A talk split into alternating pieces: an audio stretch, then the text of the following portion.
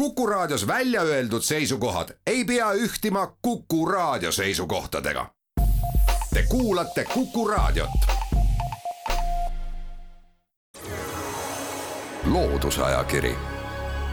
vaata ka looduseajakiri.ee tere ja head reede õhtu jätku kõigile teile. kuku raadio stuudios on ajakirja Horisont peatoimetaja Ulvar Käärt, tere. tere, tere mina olen saatejuht Tiia Rööp. tänase saatega hakkame teile tutvustama selle aasta esimest Horisondi numbrit ja kaaneloost, nii nagu ikka kombeks on kujunenud, hakkaks pihta. Tartu Ülikooli Eesti ajaloo kaasprofessor Ago Pajur kirjutab üleminekust vampilt umpile. see on nüüd midagi sellist, mida ma ütlesin, millest ei saa mitte keegi mitte midagi aru no siin võib tõesti jääda mulje jah, et äh, kas on tegemist millegi vampiirindusega või, või veel, veel kummalisemate olenditega, aga tegelikult on see selline trükitähtedega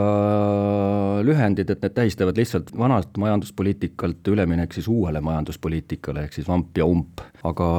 Ago Pajur on kirjutanud lahti selle, mis on siis Eestis oli sada aastat tagasi, et kui me vaatame täna, mis me räägime siin Eesti majandus, mis toimub, räägitakse ainult kriisist, itkust ja katkust ja inflatsioonist ja suurest hinnatõusust, aga tuleb välja, et sada aastat tagasi tegelikult Eestis puhkes samamoodi. Kohalik, mitte nüüd selline globaalne, nagu praegu, kui me räägime tänapäeval, et siis see on üle ilma, kõik riigid ägavad majandusraskuste käes või kriisi käes, aga et tookord oli see just Eestile selline kohalik majanduskriis, mis oli puhkenud ja Ago Pajor teeb need telgitagused või tagamaad nagu selgitab väga-väga, väga huvitavalt lahti, et mis siis meil oli siin tuhat üheksasada kakskümmend, kui tegelikult Eesti majandus buumis ja aastal tuhat üheksasada kakskümmend kolm tegelikult juba see justkui laastutulel puhkenud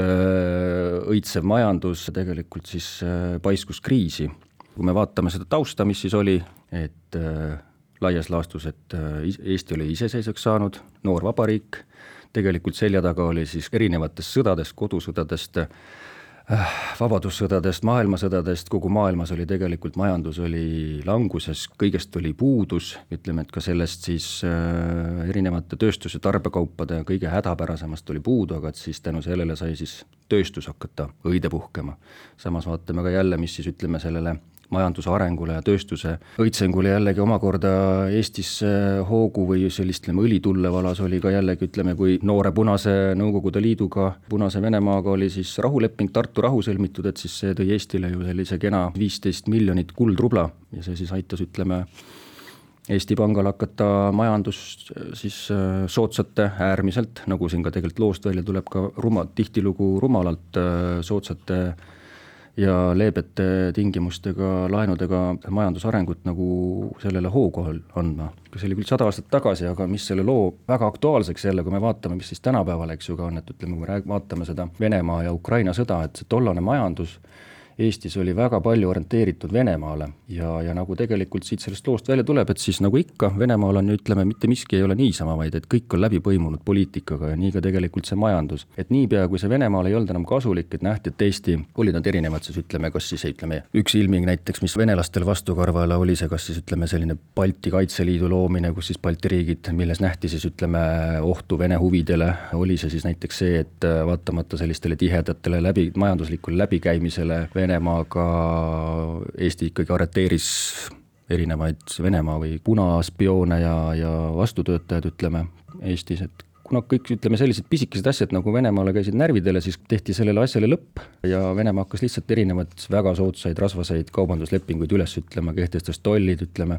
võrdluseks, et see Eesti ekspordist äh, üle veerandi oli tegelikult seotud, läks otse Venemaale. Ja kui nüüd Venemaa need äh, ekspordi ja äh, nagu kinni keeras enda poolt või pani nii-öelda uksed kinni väga kallite tollide maksudega, et siis see mõjus nagu väga rängalt ja mis me tänapäeval, eks ju, näeme, kui me vaatame Vene-Ukraina sõja kontekstis Euroopas ringi, et kuidas siis Saksamaa näiteks või, või erinevad lääne suurriigid, kelle majandus on tegelikult väga tihedalt olnud äh, Venemaaga seotud, et seda nad nüüd näevad, eks nad on seda ka varem näinud, aga nagu ikka see kipub olema selline inimlik aspekt, et kas siis teadlikult või kuidagi nii kukub välja, et see inimese mälu kipub nagu lühike olema ja kuidagi vägisi ei taheta ajaloost õppida. aga jah, ütleme selle loo puhul, mis eriti millest mina ei olnud näiteks ka kuulnud just, et kui me räägime sellest tollasest, sellest kahekümnendat, tuhat üheksasada kahekümnendate buumist, siis üks aspekt näiteks ka, mis ütleme, Eestile väga palju rikkust tõi, oli siis selline kullapesu, nagu siin Ago Pajur kirjutab. kuna Venemaal oli see sõjakaos, ütleme kogu see, kõik need sõdadest tingitud vapustused ja, ja sõdadest tingitud häving, äh, seal nagu kõigest oli puudu ju, elementaarsemaid asju ei olnud seal, et siis kuna Venemaal oli väga erinevaid kaupu siis ütleme ka läänest saada ütleme ka raha selleks, et siis kogu sellist, ütleme omal ajal siis tsaariaegne kuld, ütleme, mida siis hakati läände müüma. ja, ja kui siin oligi väga huvitav fakt oli, ütleme, et kui siin Eesti sai ise selle, ütleme nii-öelda sõjakahjudeks sai viisteist mil-, miljonit kuldrubla, aga et siis tegelikult see varimajanduse raames, et kuigi lääneriigid otse Venemaalt näiteks sellist kulda, sellist justkui verist ja röövitud kulda ei tahtnud osta, aga et kui Eesti muutus siis omamoodi transiitmaaks või selliseks vahendajaks, et Eesti pangad ostsid seda kulda venelastelt üles ja müüsid siit jälle nii-öelda vahelt kasu ka lääneriikidele edasi. ja kui me vaatame seda kogust, et siin et siin on, Ago Pajur toob selle välja, et see müntides oli kuskil siis kuussada kaheksakümmend kolm ja pool miljonit kuldrubla liikus läbi Eesti, et kui seda panna nagu kaalu peale, et siis seitsesada tonni kulda, no jälle selline väga huvitav konks selles ammuses majandusbuumi kontekstis, aga jah, tegelikult nagu siin ilusti ka Ago Pajur ise toob, et iga pidu saab kunagi otsa ja siis tegelikult see häda ja viletsus, mis siis tuli, ütleme, ja, ja kuidas siis jälle üritati selle noore riigi majandus jälle selline stabiilsetele jalgadele või tugedele siis seada, et äh, mis ka siis lõpuks ka tegelikult õnneks läks. aga jah, selles mõttes, et tänases olukorras jällegi väga palju selliseid võrdlusi ja paralleele on võimalik tuua. selles mõttes väga huvitav lugemine lehitseme ajakirja Horisont esimest numbrit edasi, selle aasta esimest numbrit Horisondi toimetaja Helen Rohtmets-Aasa käis, rääkis juttu Tartu Ülikooli teadusprorektori Kristjan Vassiliga ja kui oleks võinud eeldada, et selles intervjuus esikohal on näiteks kõrgkoolide rahamured, siis oh ei, jutuajamine on keskendunud hoopis e-riigile. Jah, me räägime ju Eestist kui sellisest äh, e-Eestist või, või ka sellisest Eestist kui digiriigist, et Eestil on selline kuvand, ütleme, kui digitiigrist või e-tiigrist aga Kristjan Vassil, ütleme enda sellise teadustöö kontekstis või selle taustal nagu räägib sellest, milles see nagu see Eesti digiriik siis väljendub, et kui me vaatamegi ajalukku, et millal see alguse sai, et kaks tuhat kaks, nagu ta selle välja toob, kui Eestis ID-kaart muutus kohustuslikuks ja, ja tänu sellele siis sai tekkida võimalus, ütleme, et inimene ei lähe ametniku juurde mingisugust luba küsima või, või mingit toetust paluma või, või kõik, ütleme, sellised äh, mingid lihtsad teenused, milleks ei ole sul vaja sellist ametnikrobotit või et Eesti ka selline väike ja hajaasustusega riik, et, et siis seda võimaldada seda, et kõik sellised võimalikult paljud teenused oleks inimesel nagu interneti teel läbi e-tuvastuse siis ütleme, võimalik äh, kasutada riigilt neid teenuseid, et siis see muutus nagu võimalikuks ja, ja tegelikult toob ka välja siin, et näiteks võrdluse, mis tal on, ütleme, olemasolevate andmetega aastast kaks tuhat kaks kuni kaks tuhat kuusteist, et siis sel ajal tuli kuskil muutus inimestele kättesaadavaks kuskil tuhat kaheksasada e-teenust, mida siis sai hakata arvuti tagant ajama.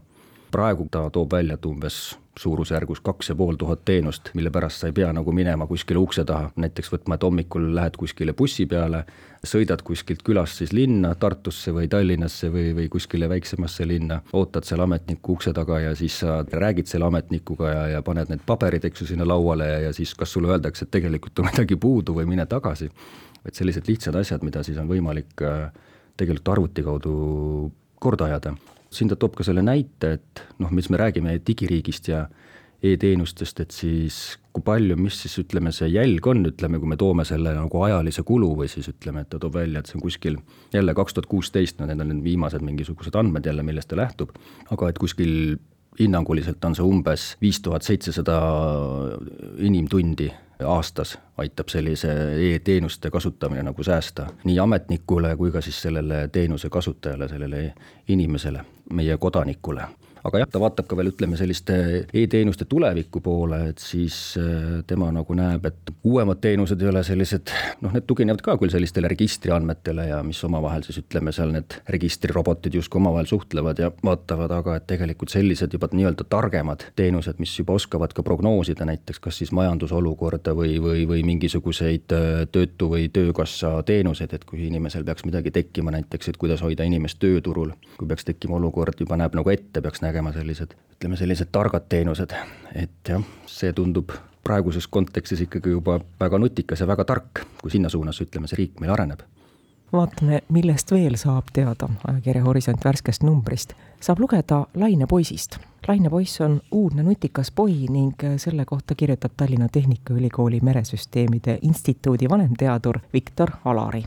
jah, me mõtlemegi, et milleks nagu ühele mingisugusele väiksele, nagu tuleb välja, et ta on selline kolmekümne sentimeetrine julla või selline mõõteseade, et mis sellest siis nii erilist on, et nüüd mõtle ometi, et millega saab siis äh, lainetuse sellist äh, omapära, lainetuse spektrit ja merelainetuse ja ka merejää vastasmõjusid, ütleme, uurida, et miks niisugust asja üldse või millest siis nii erilist on või miks seda vaja on. aga tegelikult nagu selles loos äh, Viktor ise ilusti lahti kirjutab, et see kõik taandub ikkagi jälle sellesse, sellesse konteksti, et meil ju kliima muutub. Ja samas, et muuta sellised prognoosmudelid jälle täpsemaks, et meil tegelikult tuleb välja, et sellised polaaraladel, ütleme, kui me räägime, Antarktika on ju selline põhiline selline, kus see kõige kiiremini on need äh, kliimamuutused avaldunud, mis on siis väljendunud selles Arktika sulamises, lihtsalt ülikiires sulamises, aga et samas, kui toome siia jällegi Antarktika jälle teise pooluse, maakera lõunapooluse, et siis seal see jäätumine ei ole või jää kadumine ei ole nii kiire olnud, ütleme suures pildis, aga seda, et nagu prognoosida ja vaadata, mida see kõike võib tekitada, et siis tuleb välja, et seda ei olegi nagu väga uuritud, ütleme. ja väga selge, lihtne põhjus on, et seda on lihtsalt väga keeruline on sellistes äärmuslikes oludes tuleb välja mõõta nagu sellist, et kuidas näiteks selle lainetus ja jää vastakuti, ütleme siis äh, sellises suures maasüsteemis, millist rolli need mängivad. Ja nagu ta tegelikult ka siin välja toob, et kui nagu arvestada, võtta see arvesse, eks ju, seda jää- ja merelainetuse mõjusid sellises suures mudelis, et siis äh, võib isegi kakskümmend protsenti täpsust tõsta, see on nagu väga-väga suur aga jälle, kui me räägimegi näiteks, et need Eesti teadlased sellise pisikese ja väga vastupidava sellise elektroonilise lainemõõtja välja töötasid, et siis nad on ka siin, kirjeldab seda, kuidas seda siis eelmise aasta suvel Antarktika vetes, nii jääs kui ka vabades vetes seal katsetati. tänaseks on need juba need kolm poid sellist on seal ligi viisteist tuhat kilomeetrit juba triivinud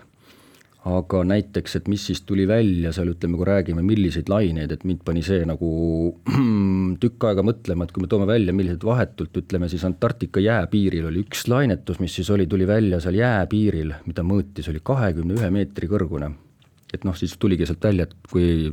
jääpiiril oli see laine kõrgus kakskümmend üks meetrit, aga et jää sees taandus, ütleme, kui ta hakkas sumbuma, oli siis neliteist meetrit. aga kui me paneme selle kakskümmend üks meetrit kuskile korrusmajaga toome siia praegu võrdlused, siis see pani mind mõtlema, et kui meie oleme praegu kuuendal korrusel, istume siin Kuku raadio stuudios, et siis kui me võtame, et keskeltläbi üks korrus on selline kolm meetrit, kui me korrutame kuuega, et siis tuleb kaheksateist meetrit, aga tegelikult see laine siis peaks olema veel veel seitsmenda korruse peal, et me oleks tegelikult siin laine loksuks üle meie akna tagant mööda siin veel ja jälle kõrgemalgi veel, vaata et selle maja katusel siin et see paneb nagu mõtlema jah, ja tegelikult just, et äh, ja tuleb ka välja, ütleme, et selliseid andmeid ei olegi nagu väga olemas. ja, ja tänu niisugustele poidele siis on võimalik hakata selliseid andmeid koguma. Üsna lihtsalt tegelikult, lollikindla niisuguse seadme abil on võimalik selliseid laineandmeid koguda ja ja neid siis ütleme edaspidi sellistel kliimamudelites ka nagu arvesse võtta. et tublid Eesti teadlased teevad imeasju, jälle põhjust niimoodi on tõdeda.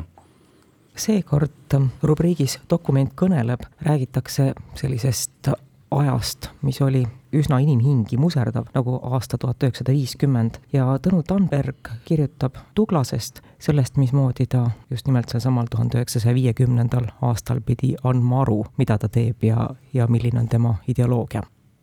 Tõnu Tanberg tegelikult on võtnudki sellest rubriigist Dokument kõneleb luubi alla meie ühe tuntuma kirjaniku Friedebert Tuglase sellise omamoodi palvekirja või, või sellise abipalvekirja tuhande üheksasaja viiekümnendal aastal see on siis ütleme siis tollase kommunistliku partei propagandabossile Endel Jaanimägile. Ja ütleme, see on siis nagu Tõnu Tanberg tegelikult selle kirja tähtsust või, või seda olemust tabavalt kokku võtab, et see, mis on ka tegelikult siin ilusti, on kõik need kolm lehekülge on loetavalt äh, ka siin ütleme, fotona on selle loo juures ära avaldatud, iga huviline saab seda täpselt lugeda, aga miks see kiri siin on nagu võetud nagu välja sellest viiekümnendatest aastates, et see oli, see oli aeg, kui oli siis ideoloogiline sõda oli puhkenud, ehk siis mingisugused inimesed, kelle väärtused ei sobinud või tegevus uute väärtuste ja mõtetega, et siis otsiti selliseid kuidas seda nüüd öeldagi, täpse sõna olid kodanlikud natsionalistid, mis oli vaja siis ütleme elimineerida ühiskonnast, kelle tegevus ei, sobinud, aga et just see kiri, siis see Friedebert Tuglase kiri, nagu Tanberg siin väga tabavalt selle tähenduse nagu võtab, et see on kõnekas dokument selle ajastu kohta, selle ajastu olemuse iseloomustamiseks, et see näitab, kuidas siis okupatsioonivõim inimesi nurka surus, nende väärikus seal trampis ning nend neid siis ennast alandama sundis. et kui me vaatamegi, mis siis Douglasega juhtus, ega tegelikult sellisest nii-öelda tuha pähe raputamise kirjast, sellest kirjast ei olnud mingisugust abi, kõigele sellele vaatamata, et ta niimoodi avalikult seda veel tegi, sellise kirja kirjutas, et visati ta Kirjanike Liidust välja, tühistati rahvakirjaniku nimetus, võeti ka talt ära kirjanikupension, ta tembeldati avalikult äh, Stolõpini käsilaseks, tüüpiliseks kodanlikuks ajaloovõltsijaks ja vihaseimaks rahvavaenlaseks, kelle toodang kõlbavad ainult ajaloo äh, prügikasti. kõik tema raamatud korjati müügilt ära, ta ei saanud enam mitte ühtegi raamatut ega ka isegi mitte ühtki rida kuskil perioodikas avaldada, rääkimata sellest, et talle ei antud isegi mingisuguseid raamatuid tõlkida, ehk siis selline saatus uute võimude silmis